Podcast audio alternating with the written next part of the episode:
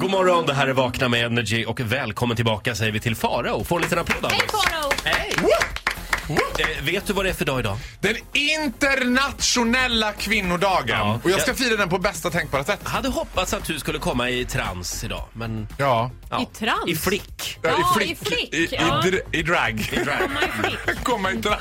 Jag är här och är flicka alla dagar. Ja. Ja. Flickigaste flickan i radio. Jag gör det så bra. Ja, det gör du.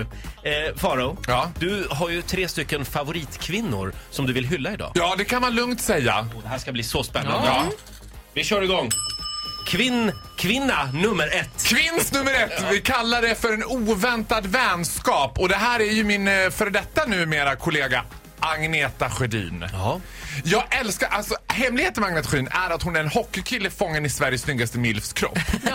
Så att hon Bra är egentligen sammanfattning. jävligt grabbig. Och grejen är så här, jag hade ju ett meltdown, läs Britney Spears 07 förra veckan. Vi pratade den stora ryska dramatiska teatern. Jag åkte ut till Hornsbergs strand där allt gick i 50 shades of grey när man tittade ut.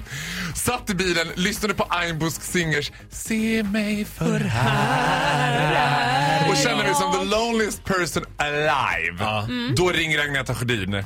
Vad jag är, everything I can do she can do better. För hon har blivit bestulen på i princip allt hon äger i Santiago. Nej. Så vi grät en stund i telefonen. Sen sa hon, Faro, vi är stora, we can do anything. Och då kände jag, ja det kan vi! Och då blev jag på jättegott humör. Så- Då Alltså- tutade du några gånger och åkte därifrån. Ja. ja. Så att eh, Agneta Sjödin, det första hon kom på att göra när hon hade blivit bestulen på allt, det var att ringa Farao. Ja, du vet vad? Nej, det nej, nej, är nej, nej, nej. vänskap. Hon ringde Aftonbladet först, sen ringde hon Farao. just det. Så jobbar ett proffs. Eh, kvinna nummer två. Ja, det går inte att göra en sån här lista utan att nämna mamma Inga. Nej. Nej. Mamma Inga är ju en urkraft i all dess ordets rätta bemärkelse. Och jag vill, vad heter det, recall to en situation när vi, vad heter det, bilade genom Italien jag och mamma. Och mamma har ju lärt mig att ingenting är omöjligt. För då bilar vi genom Italien och ska lämna tillbaka bilen på Bergamos flygplats. Det här är ganska sent på kvällen, runt kanske 10-11 snart. Det är fullknökat med bilar. Och jag ska köra in och det är många olika filer. Och Italien har ju fortfarande det här old fashion med poliser som står med visselpipa och liksom... Vita dirige- handskar. Exakt, och dirigera trafiken. Så jag kommer där, kör in, kommer in i fel fil. Åh, nej. Nej. Mot en sån där bom, du vet, där det är långtidsparkering. Och där kommer jag ju inte ut. Jag får ju betala och, eh, liksom. Jag hinner inte blinka förrän mamma är ut ur bilen. Jag ser i backspegeln hur mamma står i mitten av rondellen bredvid polisen och dirigerar om trafiken. polisen står dubbelvikt och skrattar. Det här är det konstigaste han har varit med om i hela sin karriär. Men mamma Inga gjorde det enda rättrådiga, började dirigera om trafiken och det löste sig. Ja, fantastiskt. Alltså hon är underbar. Hon är underbar. det ska en mamma till det alltså. Ja, Wow. det ska mamma Inga till. Det är inte vilken mamma som helst. Ma- eh, mamma nummer tre tänkte jag säga. Kvinna nummer tre. Ja, det här är en kvinna som jag har nästan till en osund relation till. En typ av besatthet. Ni vet en sån där kvinna som man varje gång hon säger någonting snällt till en så blir man barnsligt glad. Jag pratar om Titti Schultz. Skämtar du? Nej, jag skämtar inte! Får jag toppa listan? Ja, du toppar listan den här veckan Titti! Men gud. Ja, men jag ska berätta om den här händelsen också. Det var nämligen så att jag och Titti var och firade 60-årsfest ute i Täby. Och då plötsligt så här... när- Firade ni 60-årsfest? Vi, vi, vi hamnar på en fest vi. Vi Ja, hamnade det på en gjorde vi fest. En gång. Ja. Och när k- kvällen avslutades i bilen utanför Tittis lägenhet i typ en och en halv timme och jag kände mig som 14 år igen när jag fick umgås med Maria Ö i 9B.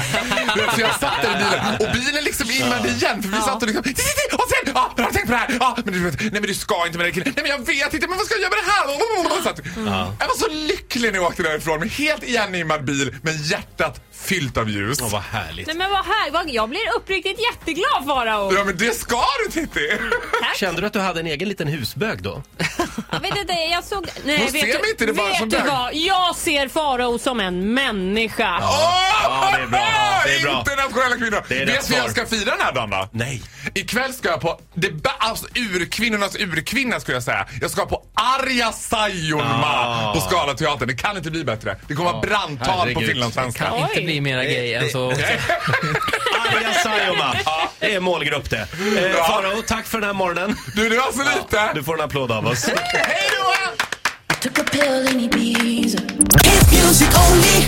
Night energy. Hit music only.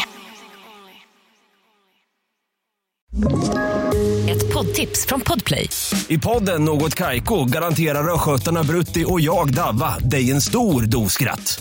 Där följer jag pladask för köttätandet igen. Man är lite som en jävla vampyr. Man har fått lite blodsmak och då måste man ha mer.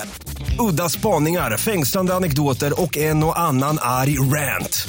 Jag måste ha mitt kaffe på morgonen för annars är jag ingen trevlig människa. Då är du ingen trevlig människa, punkt. Något Kaiko, hör du på Podplay. Därför arkadeinerna.